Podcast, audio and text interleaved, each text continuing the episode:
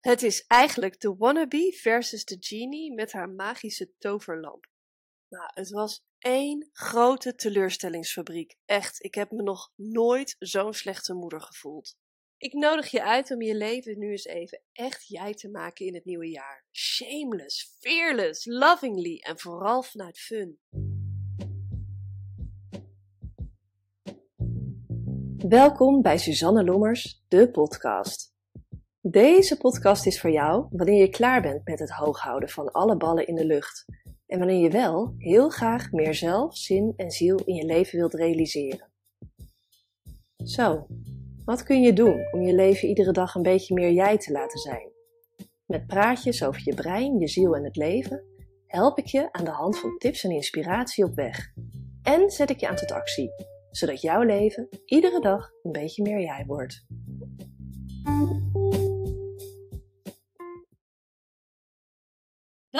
Weer een nieuwe aflevering. En ik heb er ongelooflijk veel zin in. Het is de laatste aflevering van dit jaar. Ja, wat een jaar.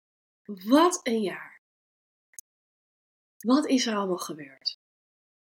Ik neem je even mee. Ik ben uh, eerder dit jaar deze podcast begonnen. Maak elke dag een beetje meer jij. En in deze podcast vandaag deel ik de drie lessen die ik leerde in 2023 en daag ik je uit om 2024 op een hele andere manier te benaderen. Met als gevolg dat jij in het nieuwe jaar jouw leven nu eens echt jij gaat maken. Shameless, fearless, lovingly en vanuit fun.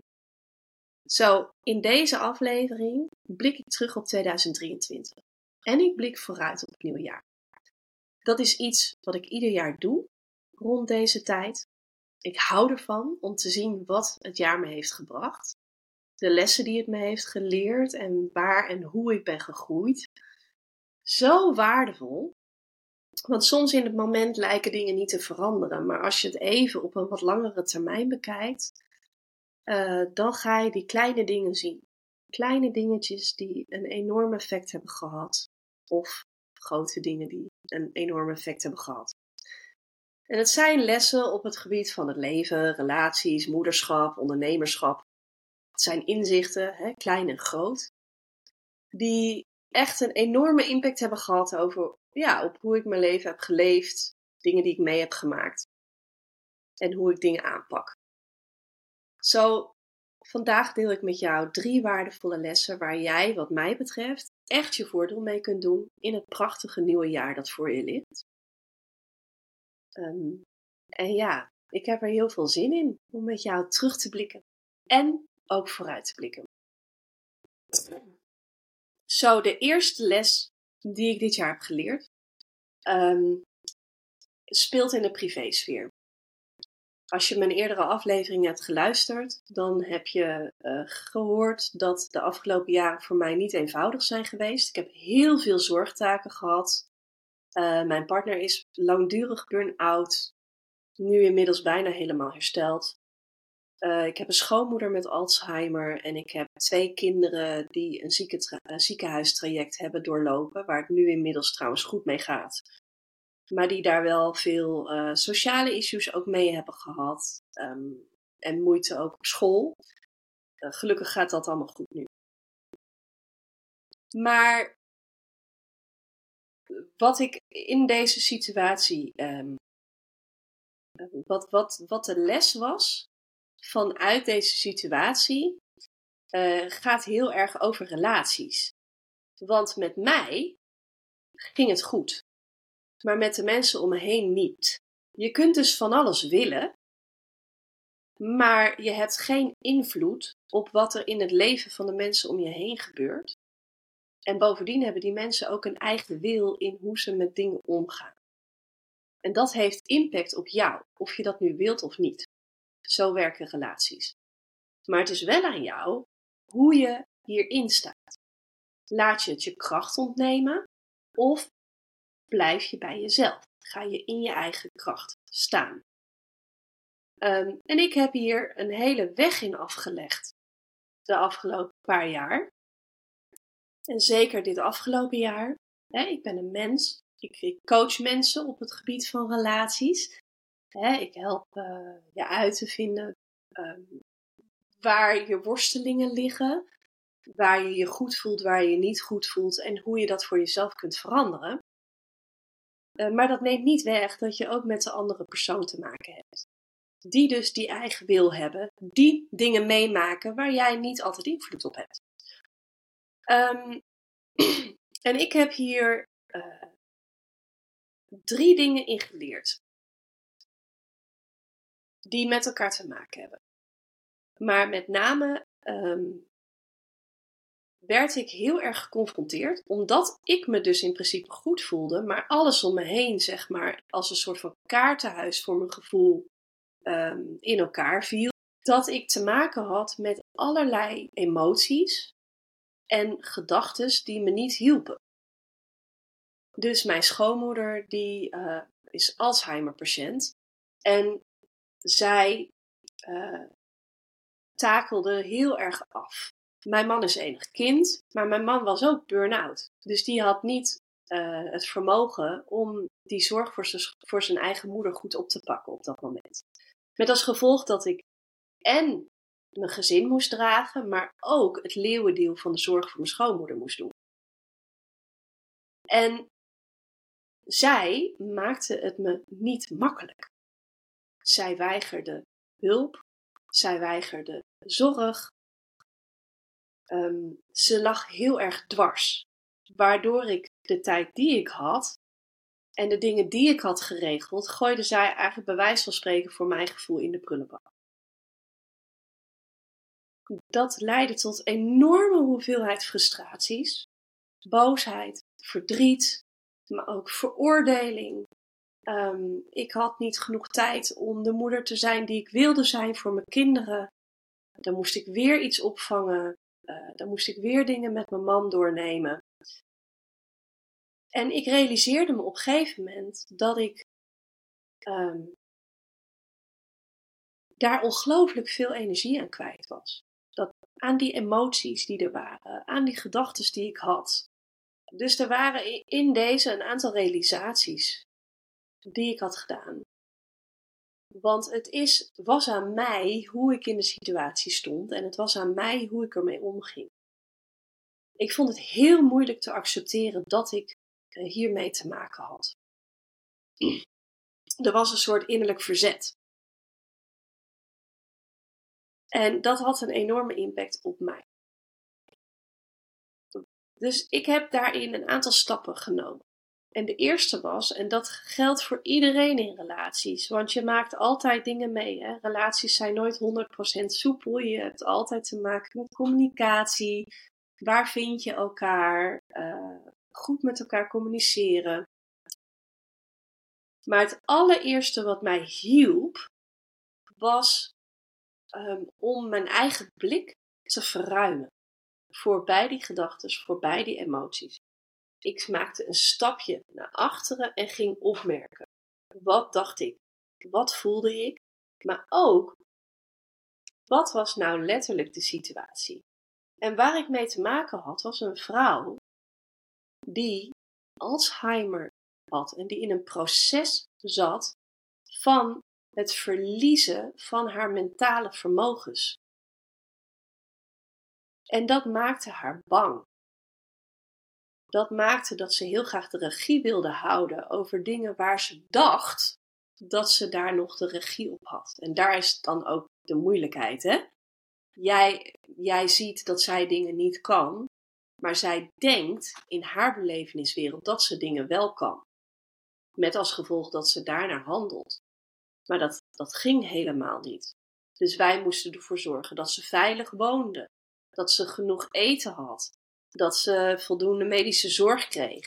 Dat ze goed verzorgd, hè, dat, ze, dat, ze, dat er kleding gewassen werd. En, en zij ondernam iedere keer acties om onze hulp te weigeren of om te doen alsof ze de hulp aannam en het dan vervolgens niet te accepteren. Of alsnog niet te doen, of wat dan ook. Um, maar het hielp mij enorm dat ik ging zien dat zij zelf in een acceptatieproces zat. Dus er zijn hele fases geweest, maanden geweest, waarin ze dingen weigerde, omdat vanuit angst of vanuit niet-acceptatie. Ze zat in de rouw, het loslaten van haar leven, in zekere zin. Dus het was voor haar ook een proces. En zij had daar in haar eigen tempo. En dat maakte het mega moeilijk voor ons. Maar uiteindelijk, op het moment suprême, wanneer het echt nodig was, accepteerde ze wel onze hulp. Omdat ze dat proces had doorgemaakt. Um, en het belangrijkste is dat je dus in dat proces dus ook de ander ziet voor wie die is en waar die staat. En dat maakt dat je je eigen gedachten en je eigen emoties in een ruimer perspectief kunt zetten. En ook beter kunt zien voor wat ze zijn. Dus um, in je eigen kracht gaan staan is dus dat stapje naar achteren te gaan doen en op te merken waarin je zit. Op te merken welke gedachten en emoties je hebt. Waar ze je helpend zijn en waar ze niet helpend zijn. Maar ook waar de andere in het contact en in de relatie is. En dat heeft mij enorm geholpen dit jaar. Dat maakte dat ik die kracht terug, kon pakken en de rust kon bewaren in een hele moeilijke en stressvolle situatie. Waardoor ik bij mezelf kon blijven, zeg maar. Um, want de tijd die ik had, maakte bijvoorbeeld ook dat ik niet de moeder kon zijn die ik graag wilde zijn. Dat noemde ik net, geloof ik al. Uh, ik heb bepaalde waarden, ideeën over het moederschap.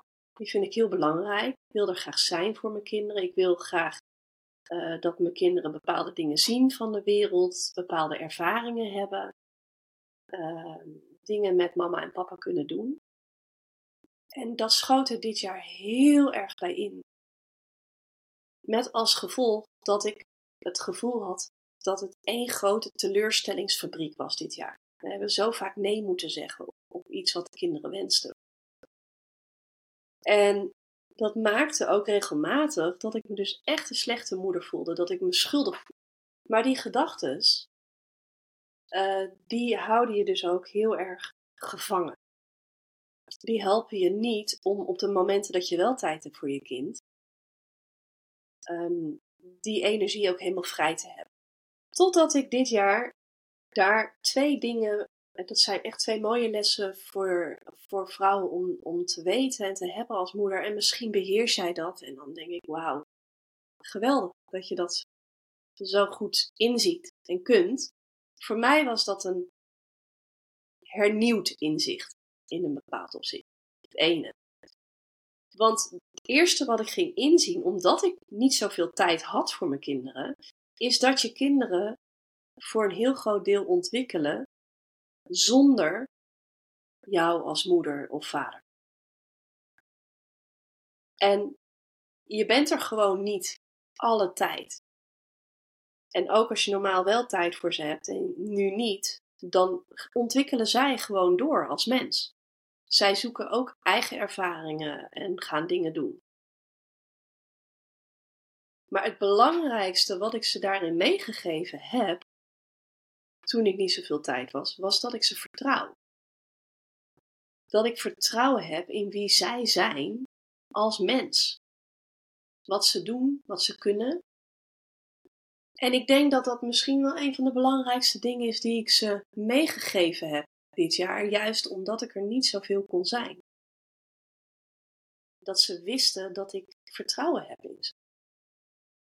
Dat ze een mooi mens zijn op de momenten dat ik wel tijd had, konden we over van alles en nog wat praten. En heb ik dat gevoel van zelfvertrouwen heel erg proberen te bekrachtigen.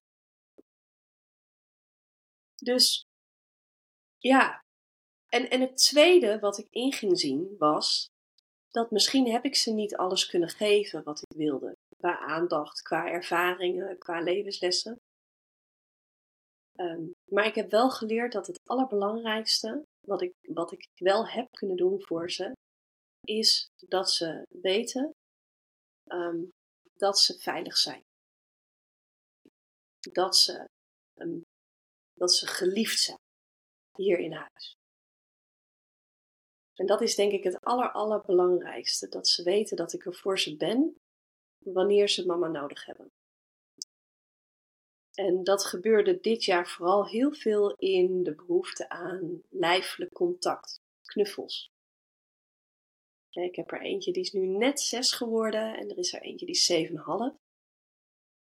Maar als ze een knuffel willen, dan krijgen ze een knuffel van mama. Dan sla ik mijn armen om ze heen en dan knuffel ik ze met al mijn aandacht. Dan ben ik niet met mijn aandacht ook bij mijn telefoon of bij een gesprek met iemand. Nee, dan focus ik mijn hele aandacht op hen. En dan voelen ze zich veilig. En ik zal ze knuffelen zolang ze het nodig hebben. Ik zal ze niet wegduwen. Dus die veiligheid, die basis, die wetenschap dat ze geliefd zijn, die heb ik ze dit jaar 100% gegeven. Zelfs toen mijn leven 24/7 in het teken stond van zorgen voor mijn schoonmoeder. En mijn man die burn-out was. Dus ik nergens tijd voor had om met ze te doen. En dan denk ik, ja, oké. In, je kunt van alles willen. Maar het leven gebeurt om je heen. En niet per se altijd in je eigen leven. Maar in het leven van de mensen met wie je een relatie hebt. Die mensen hebben hun eigen wil. Die maken hun eigen dingen mee en die hebben impact op jou.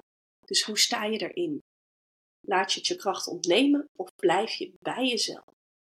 En dan heb je drie dingen. De eerste is, je maakt ruimte voor jezelf in het moment. Mindful aanwezig zijn, een stukje afstand nemen, observeren, wat is hier aan de hand. Het perspectief van jezelf verruimen. Je, en dan ga je naar twee, dat je alert bent op die werkende gedachten en emoties die zo irritant zijn. Ga ze niet uit de weg, duw ze niet weg, verza uh, verzand er niet in. Maar maak er ruimte voor die stukken, zo, zodat ze niet vast gaan zitten in je lijf. Al je energieën ontnemen. En het derde is dat je zacht mag zijn voor jezelf, liefdevol, compassievol, maar ook voor de andere persoon in de relatie. Of het nou je kinderen zijn, je partner of je schoonmoeder of iemand anders. Dat is wat je nodig hebt. Dat zijn de ingrediënten, wat mij betreft, voor een blij brein. Een blij brein is niet dat je je de hele dag hepper de peppy voelt. Nee, een blij brein die werkt voor jou. Ook wanneer het leven op je af kan komen. Dingen niet altijd lopen zoals je dat graag zou willen. Een blij brein maakt dat jij dus in je eigen kracht gaat staan en blijft en van daaruit handelt. Een blij brein is jouw beste vriendin in het proces om van jouw leven elke dag een beetje meer jij te maken. Zo, dat was les 1.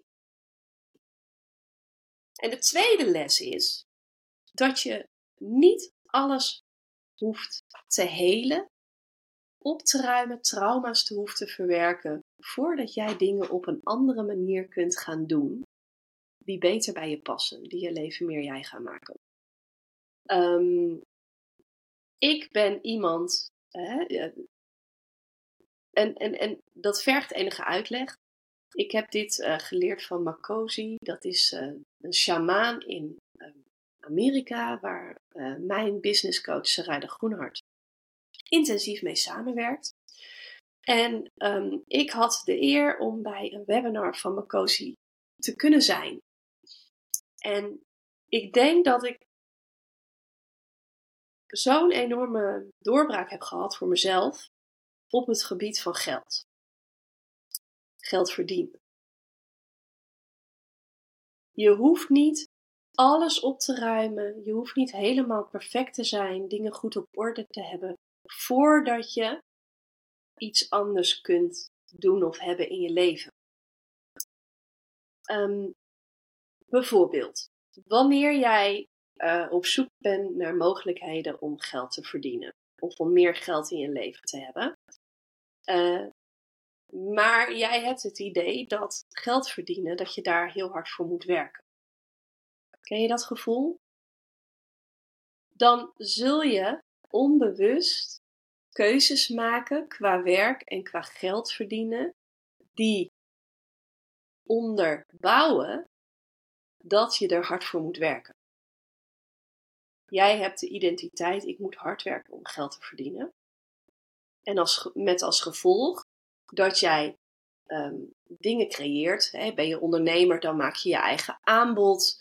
Uh, ben je uh, ergens in loondienst, dan zoek je naar bepaalde banen of naar een bepaalde promotie in je werk.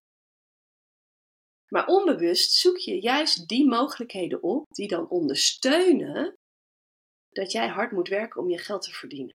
En we hebben vaak de idee dat om dat anders te krijgen in je leven, dat je eerst um, helemaal gezond moet zijn. Stel dat je niet helemaal gezond bent. Dat je uh, eerst allerlei beperkende overtuigingen op geld moet gaan opruimen. Uh, dat je weer helemaal um, in een abundant mindset bent. Um, dat je allerlei trauma's in het verleden hebt, dingen hebt meegemaakt die jouw visie op geld en visie op werken of loondienst of promotie of, of dat je het wel of niet verdient, dat dat beïnvloedt en dat je dat allemaal op moet ruimen voordat je iets anders in je leven kunt uitnodigen. En dat is niet zo. Het werkt juist andersom. Ik dacht dus van oké, okay, ehm, ik heb altijd het idee van oh, ik heb veel te hard, ik moet veel te hard werken om geld te verdienen en ik vind het niet leuk en ik wil het anders, dus ik ga ondernemen. En vervolgens ga ik mijn onderneming vormgeven en opzetten met het idee van ik wil me vrij voelen. Ik wil plezier hebben in mijn werk. Maar ik deed dat vanuit de identiteit. Ik moet hard werken om mijn geld te verdienen. Dus zette ik mijn onderneming op een bepaalde manier op die dat juist bekrachtigt. Hard werken, weinig verdienen. En Makosi die zei dus, nee, in het echt werkt het anders. En als actcoach had ik dat moeten weten, vind ik zelf. Een identiteit is niet vast, het staat niet vast. Wanneer je hem onbewust houdt, wanneer je niet bewust bent van de identiteit, dan, dan leef je die identiteit. Maak je een bepaalde identiteit bewust, dan ben je ervan bewust, maar hij staat niet vast. En in plaats van je direct te gaan storten op nieuw, nieuw gedrag, is het dus heel goed om een stapje terug te doen, om even te gaan zitten en jezelf te verwonderen over hoe het zou zijn wanneer je, nou ja, geld eenvoudig naar je toestroomt wanneer dat kan zonder drama? Hoe zou jij je dan voelen? En in plaats van dat je dan gaat denken: als ik meer geld zou hebben, dan zou ik uh, dat en dat gaan doen en ben ik financieel vrij. Ga je denken van oké, wanneer ik financieel vrij ben, wat zou ik dan doen? Ja? Dus je gaat niet werken van oké, ik, uh, ik ben blut of ik moet hard werken om geld te verdienen. Dan ga ik die en die actie doen, dan ga ik meer geld hebben. En ben ik financieel vrij? Nee. Oké, wat wanneer ik financieel vrij ben, wanneer ik geen geldzorgen heb, wat is dan belangrijk voor mij? Wat is belangrijk voor mij? Dan ga je stappen zetten met als gevolg dat het resultaat van financieel vrij of meer inkomen in jouw realiteit wordt uitgenodigd en komt. Sommige mensen noemen dit manifesting, maar ik noem het een verandering van perspectief. En um, een proces waarbij je alle vaardigheden die je binnen uh, Acceptance and Commitment Therapy coaching aangereikt krijgt, kunt inzetten.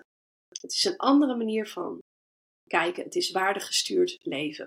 Makosi, de manier waarop zij het uitlegde, dacht ik, ja, dat is het. Het is niet dat je start vanuit de identiteit van tekort en je gaat werken naar een andere identiteit. Nee, je gaat werken vanuit je waarde, vanuit je verlangen.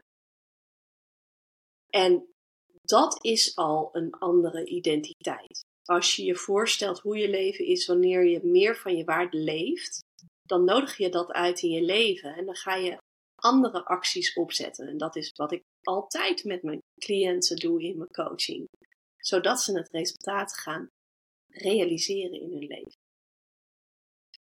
Dus het uitgangspunt is heel anders. En ja, dat was voor mij echt helemaal te gek. Op de een of andere manier iets wat ik al jaren doe in mijn werk. Eh, de manier waarop zij het uitlegde, zorgde ervoor dat er bij mij een kwartje viel. Waardoor ik de dingen die ik in mijn coaching aanreik aan mensen, ehm, ineens veel beter kon voelen en inzien. Dus ik ben dat ook gelijk uh, met mijn coachingscliënten gaan inzetten en toepassen. En dat was gewoon echt te gek wat er gebeurt. vanuit een identiteit van tekort, dan ben je eigenlijk de wannabe die iets zou willen, maar dat nooit bereikt. En de andere uh, aanpak, wanneer je vanuit je waarde uh, gaat voelen en van daaruit je keuzes gaat maken, dat, dan ben je net een soort van genie met haar eigen toverlamp. En dat noem ik dan niet per se manifestatie vanuit het universum, al speelt dat ongetwijfeld ook mee. Maar het is ook heel praktisch. In mijn werk heb ik uh, dit jaar op één vlak die switch gemaakt. Want, en dat, dat wil ik heel graag met je delen, want dit heeft alles te maken met deze podcast. Hè. We hebben nu, uh, ik heb nu 24 afleveringen. Dit is aflevering 24. En ik ben zo blij met deze podcast. En zo trots. En op de, op de content die ik heb gemaakt. Uh, zo gaaf de mensen die luisteren. Er hebben nu naar 23 eh, afleveringen meer dan duizend mensen geluisterd. En het begon allemaal vanuit de switch van de wannabe naar de genie met haar toverlamp. Ik heb nu tien jaar ondernemen achter de rug. Een groot deel daarvan heb ik uh, marketing en social media gewoonweg vermeden. Ik vond het vreselijk. Uh, niet leuk, moeilijk. Uh, heb daar ook heel veel cursussen op gedaan om het te leren. Maar op de een of andere manier werd ik er niet blij van. Ik werkte aan mijn zichtbaarheid vanuit het idee: ik moet hard werken om meer geld te verdienen. Moet dit doen, het moet perfect zijn, het moet allemaal op orde zijn. Met als gevolg dat er eigenlijk nooit uh, goede marketing en goede social media opgezet werd. En ik was dat spuugzat. Ik had er geen lol in. Ik kreeg geen inkomsten uit de dingen die ik deed. Uh, vreselijk. En dat komt omdat ik vanuit die beperkende identiteit zat. Van ik moet hard werken. Ik moet uh, zo en zo zijn, zodat mensen bij mij terecht kunnen komen allemaal oordelen en ideeën. En omdat ik dus dit jaar in zo'n aparte situatie zat privé, had ik vrij weinig tijd om überhaupt met mijn bedrijf bezig te zijn. En realiseerde ik me echt vroeg in het jaar van ik beleef hier helemaal geen plezier aan. Maar ik beleefde ook geen plezier aan de zorg van mijn schoonmoeder. Uh, met mijn man zijn werk en zijn burn-out was het ook niet makkelijk. Uh, ik droeg het hele huishouden, dus er was heel veel niet leuk. En dat was het moment waarop ik besloot om, ook al had ik dingen niet op orde privé, ook al um, had ik weinig tijd voor mijn business, dat ik besloot letterlijk om het anders te gaan doen. En in feite werd ik dus die genie van mijn eigen leven, waarin ik ging strijken over mijn eigen toverlamp. En ging bedenken, maar wat wil ik dan wel? Waar word ik wel blij van in eh, ehm, ja, het naar buiten treden met mijn bedrijf. En toen kwam dus het idee van deze podcast op. Toen ging ik dromen van waar wil ik het over hebben? Wat vind ik leuk? Waar word ik blij van? dus waar kan ik mijn eigen waarde in kwijt? Creativiteit, plezier, maar ook uh, self-care, educatie, mensen iets meegeven, verbinden met mensen. Dat zijn dingen die ik heel belangrijk vind. En zo ontstond deze podcast. Ik had eigenlijk geen tijd. Ik had geen groot vooropgezet plan, want ik had helemaal geen tijd om dat plan te maken. Dus dacht ik, oké, ik ga het simpel doen, eenvoudig. Uh, met hele eenvoudige techniek, zodat ik zo min mogelijk hoef doen. Ik kom niet in beeld. Um, ik hou het gewoon leuk voor mezelf. En toen is het balletje gaan rollen. En had ik nooit voorzien wat er allemaal bij zou komen kijken, hoe groot het project zou worden. Ik had nooit gedacht dat ik gasten zou uitnodigen, dat ik vervolgens een online podcast studio zou um, huren voor mezelf. Um, ik had nooit verwacht dat ik uh, afleveringen heel intensief zou gaan promoten online. Ik had nooit verwacht dat er duizend mensen, meer dan duizend mensen, binnen een aantal afleveringen naar zouden luisteren. Ik had nooit gedacht dat ik met beeld op Spotify en YouTube uh, afleveringen zou hebben. Dus van gewoon iets starten, iets anders gaan doen dan ik gewend was om te doen, is daar eigenlijk een heel mooi project en een heel mooi resultaat uitgerold. En ben ik enorm gegroeid als ondernemer. Ben ik heel erg gegroeid in mijn marketing, in mijn social media. En heb ik ongelooflijk veel plezier beleefd. Heb ik mijn creativiteit kwijtgekund. En met gewoon hele mooie resultaten. En ik wil een paar van die resultaten heel graag uh, met je delen. Um, ik heb namelijk bloopers gemaakt. Dit hele proces ging echt niet van een leien dak, dakje. Um, er is een aflevering waarbij een van mijn gasten de beeldscherm verkeerd om had staan, wat ik niet in de gaten had. Waardoor toen ik social media um, reels wilde gaan maken en posts, ze half onthoofd was. Ja, hoe kun je het verzinnen? Ik had het echt niet in de gaten.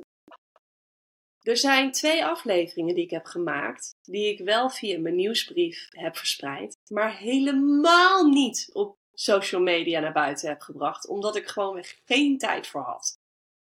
Echt, dan maak je content en dan vertel je niet aan de wereld dat je die content hebt gemaakt. Ik geloof dat ik één keer in één story een berichtje heb geplaatst van: Oh ja, ik heb een aflevering gemaakt. En dat zijn de, uh, ik geloof, drie afleveringen voor deze aflevering. Ik had gewoon echt geen ruimte en geen tijd om ze te promoten. Dus nou, allemaal werk, geen luisteraars. Hoe vind je dat? Ja, een paar. Uh, maar er zijn ook hele mooie dingen gebeurd. Mijn best bekeken aflevering dit jaar op Spotify was met Stip, aflevering 16. Hoe vind je vreugde? Het was een gesprek van hart tot hart met collega en vriendin Elise Voogd. Uh, wij zaten allebei in een situatie waarbij onze partner langdurig uitgevallen was. We hadden te maken met allerlei issues waar ons inziens zo over gezwegen wordt altijd. En het was een feest van de herkenning om elkaar daarover te spreken. En dat bleek ook wel echt uit de reacties die we hebben gehad op deze aflevering. Want er zijn zoveel mensen die, zoveel vrouwen, maar ook mannen, die zich gehoord en gezien voelden.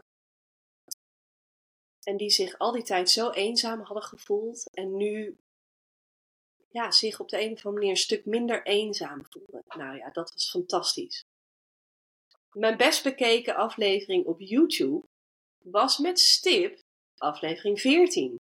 Hoe stap jij vandaag nog in je volledige potentieel? Het was een gesprek over energie en keuzes met Freya Zwennes. In één dag tijd was de aflevering geloof ik 80 keer beluisterd. Uh, we hebben het hier ook naast alles waar ik in mijn coaching mee bezig ben, hebben we het hier ook over mijn healingwerk, reconnective healing en vooral ook over wat het proces van de reconnection met je doet. Ik had Freya uitgenodigd om het te hebben over uh, het leven van je potentieel en wist totaal niet dat zij dus ook het proces van de reconnection heeft ondergaan. Wat voor haar een enorme shift heeft betekend. Uh, en de start is geweest van een enorm mooie nieuwe uh, reis in haar eigen leven. Dus dat, dat, was heel grappig, omdat ik dat dus ook aanbied. Maar er was ook een aflevering die ik heel moeilijk vond om te maken. Want um, ik had aan het begin van mijn podcast ook heel erg de neiging om te denken: oké, ik ben een professional. Maar ik realiseerde me gaandeweg hoe belangrijk het is dat we ook gewoon eerlijk zijn over hoe moeilijk dingen soms zijn. En wat je voelt en wat je denkt en dat dat niet alleen maar mooi is. Je hebt ook een schaduwkant en je bent ook niet altijd helemaal mooi. De moeilijkste aflevering die ik uh, gemaakt heb dit jaar was aflevering 21. En dat was de vijf dingen die ik leerde toen mijn zoontje voor mijn ogen gepest werd. Ik was daarbij toen ik, ik zag het gebeuren en ik raakte in een stressreactie. ik ben trauma-focused act coach en weet daardoor heel veel van uh, de stressreacties van het lichaam, het vechten, vluchten, bevriezen. En ik zag bij mezelf wat er gebeurde en dat ik in een stressreactie kwam. En daarom heb ik besloten om een aflevering te maken die een soort van open brein operatie is. Dus ik neem je mee in het moment wat er gebeurde, wat ik voel en ervaar en hoe ik reageerde en hoe ik act toepaste in die situatie. En omdat ik dat brein opengetrokken heb, zeg maar, was het zo spannend om te maken. En dan heb ik ook nog mijn eigen favoriete solo-afleveringen. Misschien heb je alle afleveringen geluisterd, misschien ook niet. Maar dan zijn dit vier aanraders. Allereerst natuurlijk de eerste aflevering. Maak elke dag een beetje meer jij. Ik heb hem teruggeluisterd ter voorbereiding op deze uh, aflevering. En dat was zo leuk. Ik vond het heel spannend en ik was vooral ook heel uh, blij en vrolijk uh, toen ik die aflevering maakte. En hij heeft heerlijke content. Hoe maak je nou je leven elke dag een beetje meer jij? Een andere aflevering uh, waar ik heel blij mee ben is aflevering 17. Dat is rust nemen. Hoe doe je dat? Ontdek de zeven vormen van rust. Het is eigenlijk een hele heldere, duidelijke aflevering die je verschillende vormen van rust aandraagt en je helpt om bij jou te gaan zien waar het je aan ontbreekt. En het nodigt je uit om een bepaalde stap te zetten. Zodat jij meer rust krijgt. Hele fijne aflevering. Dan heb je nog aflevering 2. Je levensmissie niet weten, dat is oké. Dat vond ik echt zo leuk. En waarom vond ik die leuk? Omdat wij um, heel vaak het idee hebben: ik moet weten waarom ik hier ben op de wereld. Dat geeft houvast. Uh, dan heb je iets om naartoe te werken. Hè, daar houden wij van. Uh, met al, je, al onze mooie to-do-lijstjes. Maar in deze aflevering pleit ik juist dat het helemaal oké is om niet te weten wat jouw levensmissie of jouw doel in dit leven is. En hoe je dan toch betekenis aan je leven geeft. In de reis die je maakt. Ook als je dat niet weet. En dan de laatste uh, aflevering die ik echt heel tof vond om te maken. Nou, ik vond ze allemaal leuk, maar dit zijn mijn favoriete solo-afleveringen. Is aflevering 9. Bewust ouder worden vanuit liefde voor je leven. De nummer 1 vraag die jij jezelf mag stellen. Het heeft een uh, heel persoonlijk tintje. Een, uh, een van mijn favoriete ooms is dit jaar overleden. Daar heb ik een heel mooi gesprek mee gehad. Dat was iemand die mij heel erg geïnspireerd heeft. En deze aflevering stelt één vraag. En als jij je die gaat stellen, dan helpt deze aflevering jou op weg om bewust ouder te worden, bewust je leven te leven vanuit liefde voor je eigen leven. Hartstikke mooi. Um, ja, ik denk dat, dat die stap om deze podcast te maken, dat was voor mij echt die stap van de wannabe aan de kant zetten en die genie in mezelf naar boven te halen, de toverlamp uit mijn zak te halen. Dus wacht niet tot wanneer je X hebt, zodat je dan Y kunt gaan doen en je dan eindelijk eens huppelde puppelde pup gaat voelen of gaat denken. Hè? Nee, wees die genie met die magische lamp. Voel wat jij wilt, hier en nu. Stap in je identiteit, want die is niet vast. Droom. En zet de benodigde stappen met behulp van je waarden. En dan ontvouwt het resultaat zich in je realiteit. Of dat nou volgende week is, over een aantal maanden of over een jaar. En een blij brein, dat is het middel om je te helpen om deze stap te gaan zetten. En dan komen we bij de derde en laatste les. En dat heeft eigenlijk alles te maken ook met het komende jaar, met vooruitblikken op 2024. En dat heb ik dit jaar heel anders aangepakt. Want ken je dat, uh, dat we allemaal goede voornemens hebben? Je bedenkt, uh, volgend jaar dan ga ik eindelijk, of dan moet ik, of dan wil ik zus. En dan is het de derde week van januari en dan heb je al gebroken met je goede voornemens. Ken je dat? En dan vraag ik je nu, hoe heb je die voornemens gemaakt? Heb je die gemaakt met je hoofd, met je hart, met je buik? Dit jaar heb ik mezelf één vraag gesteld. En dat maakte dat ik vooruit ging kijken naar 2024 vanuit een totale andere invalshoek dan ik gewend was. En die bleek heel behulpzaam en effectief. Voor het eerst namelijk, ik ga je die vraag natuurlijk geven.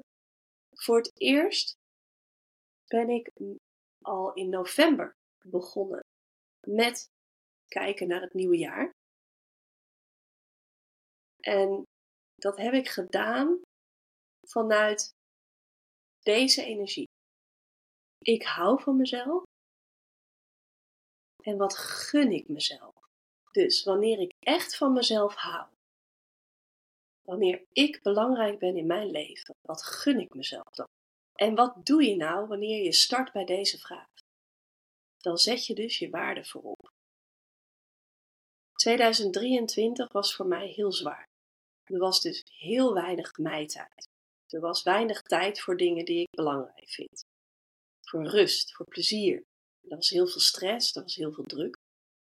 En goddank ontstaat er nu privé wat meer ruimte ook. De zorgtaken zijn letterlijk afgenomen, waardoor er dus meer tijd en energie vrijkomt. En ik wil het komend jaar echt totaal anders. Zowel privé als op het werk. Dus ik heb die stap teruggedaan en heb mezelf de vraag gesteld: oké, ik hou van mezelf. Wat gun ik mezelf dit jaar? En dat heeft een aantal keuzes en beslissingen um, en een aanpak voor komend jaar um, tot gevolg gehad die ik echt niet had voorzien. Maar de allereerste is dat ik ben nagegaan van oké, welke waarden heb ik waar ik dit jaar niet aan toe ben gekomen op een manier zoals ik dat graag had gewild. Waarden die ik zo belangrijk vind en waar ik een enorm verlangen naar heb die ik mezelf echt gun om komend jaar te voelen. En één daarvan, of een paar daarvan, dat zijn uh, creativiteit en plezier. Dingen die ik al wel in mijn podcast heb gestopt, maar veel te weinig in mijn relatie, veel te weinig in mijn relatie met mijn kinderen, uh, qua hobby's, qua sporten, veel te weinig ook in mijn werk. los van de podcast. Zo mijn doel voor 2024 is meer lichtheid en plezier in mijn werk, in mijn coaching, in mijn podcast, in de dingen die ik creëer voor mijn klanten en voor jou als luisteraar. Um, dat betekent praktisch dat ik dingen in mijn bedrijf ga stroomlijnen, efficiënter ga maken, zodat ik er minder werk aan heb en meer ruimte overhoud voor dingen waar ik blij van word.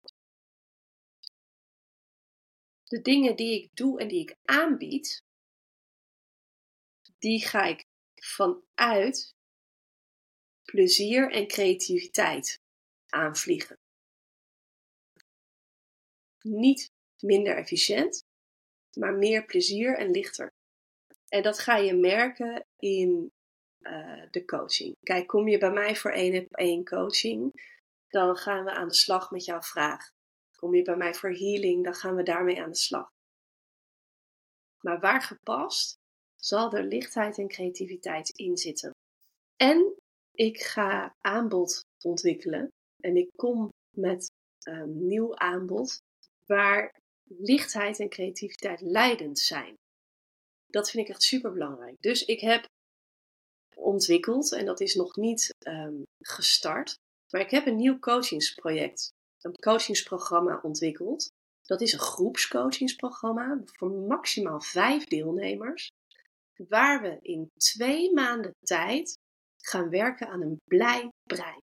Ja, dus die blijheid zit al in de titel. Het wordt een coachingsprogramma die licht is, waar je vooral heel veel dingen gaat ervaren en gaat doen vanuit plezier, creativiteit. En ja, natuurlijk, coaching is altijd confronterend. Het is er ook om jou te helpen groeien. Dus die traan, die komt er ook. Maar de basis is dat we het van lichtheid, vanuit plezier en vanuit verbinding gaan doen. En daar heb ik ongelooflijk veel zin in in plaats van één op één een klein groepje. En um, dat wordt heel effectief, heel mooi. Ik denk dat wij vrouwen en mannen ook veel te veel in onze eigen individuele wereld zitten. Waarbij het juist heel erg helpend is om samen aan vergelijkbare vragen te werken. Samen te delen, omdat je dan de herkenning en de erkenning ziet. En uh, ook gaat groeien op vlakken waarvan je misschien niet eens had gedacht um, dat je daar een hele mooie stap in te zetten had. Dus ik denk dat dat groepje van vijf, dat we elkaar naar enorme hoogte gaan stuwen, waardoor je uiteindelijk veel meer profijt van de coaching nog hebt. Um, dan je misschien anders had gehad. En dat is vanuit plezier. En daardoor heb ik er ook ongelooflijk veel zin in. Dus um, begin februari start ik met uh, de eerste coachingsgroep. Heb je interesse, neem contact met me op.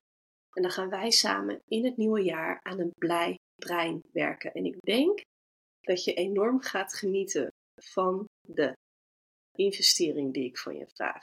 Want die is om te beginnen echt heel laag. En het wordt echt heel waardevol en heel leuk. Um, die creativiteit en dat plezier ga ik ook terug laten komen in een nieuw project. Tuurlijk gaat mijn podcast verder. Uh, daar gaan onderwerpen aan bod komen waar ik vooral zin in heb, waar we heel veel aan hebben. Ik ga mensen uitnodigen met wie ik heel graag wil spreken en die iets te vertellen hebben en te delen hebben, waar jij ook echt echt zo van gaat genieten. Um, maar ik ga een nieuw creatief project starten. Want een van de dingen die ik als kind altijd deed, was schrijven. Ik vond het heerlijk om gedichtjes te schrijven. Ik vond het heerlijk om verhalen te schrijven. En de afgelopen paar jaar heb ik wel tien ideeën voor boeken gehad. Uh, iets van drie voor volwassenen en wel zeven voor kinderen. Dus um, ik ga het mezelf gunnen om dat deel van mezelf weer aandacht te geven. Om dat deel dat zo onderdrukt is geweest de afgelopen jaren, dat dat de ruimte mag krijgen. Is het boek af aan het einde van 2024? Ik weet het niet. Geen idee. Maar ik ga je wel op mijn socials meenemen in het proces van mezelf gunnen. En mijn leven mij te maken. En um, ja, ik ga dat boek gewoon schrijven voor mezelf.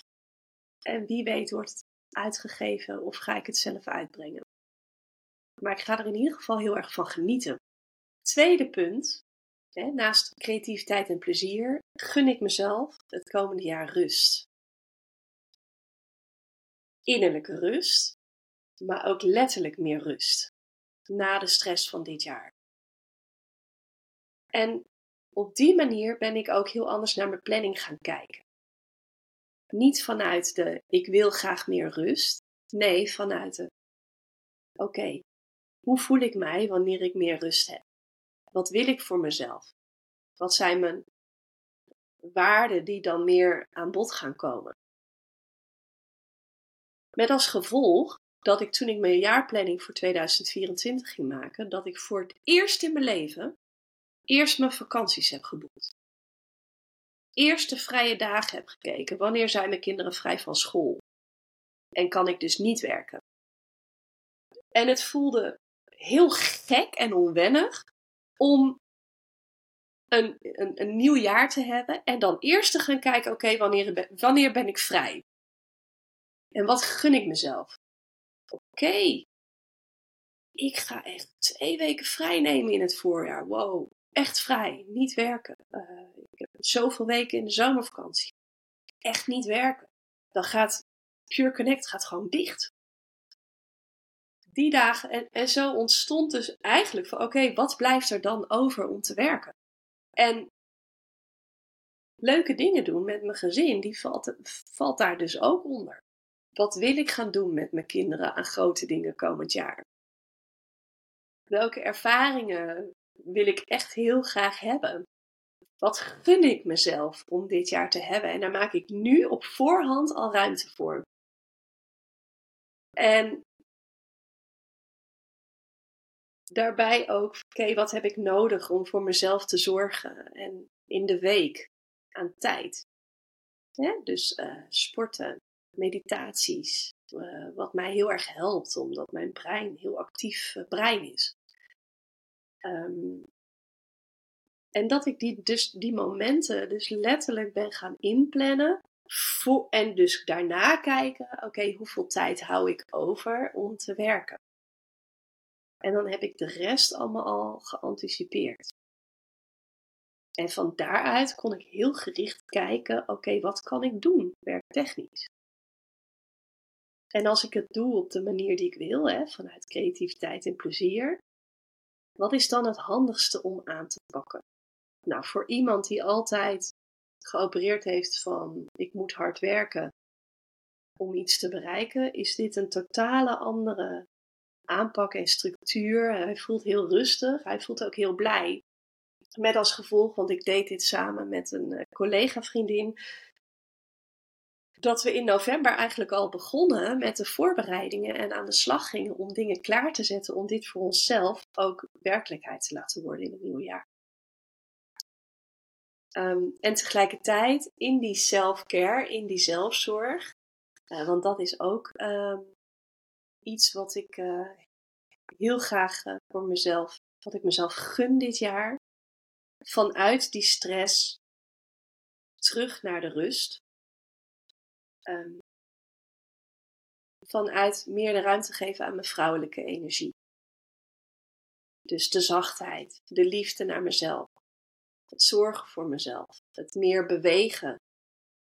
Ik, wil gaan, ik ga boksen om de tijgerin en de kracht in mezelf te voeden. En ik ga dansen om mijn sensualiteit, mijn ritme en mijn vrouwelijke fysieke creatiekracht zeg maar, te voeden. Dingen waar ik enorm naar uitkijk, die ik heel belangrijk vind. Uh, ook voor mijn eigen innerlijke balans.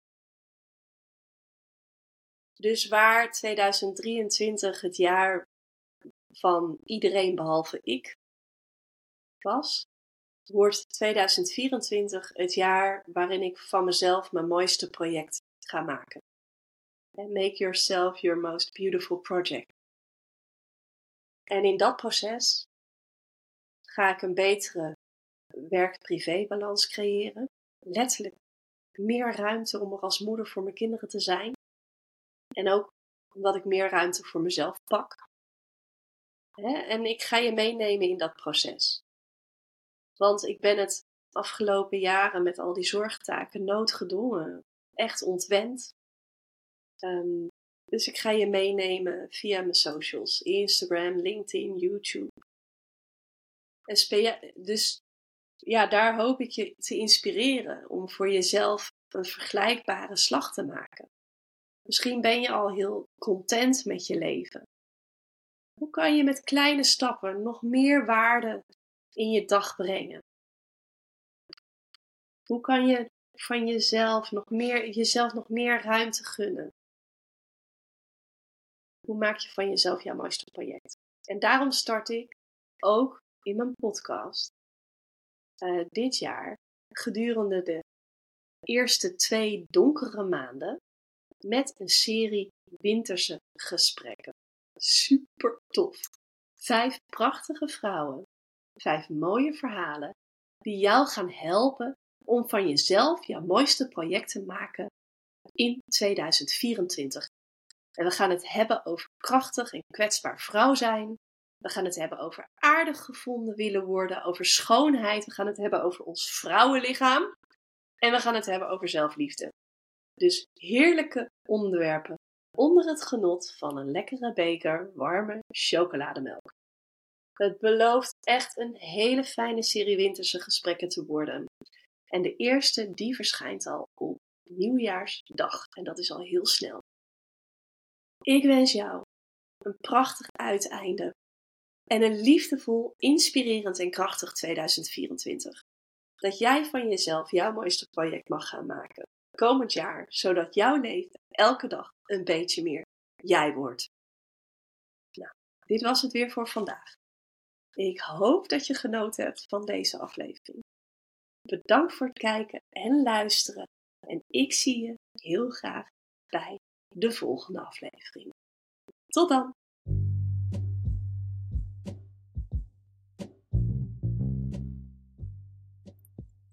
Super tof dat je hebt geluisterd naar deze podcast. Als je nu een mooi inzicht hebt gehad of er is iets wat je wilt delen naar aanleiding van deze podcast, check me dan op Instagram. Ik heet daar Suzanne Lommers. En laat me in een berichtje weten wat je uit deze podcast hebt gehaald.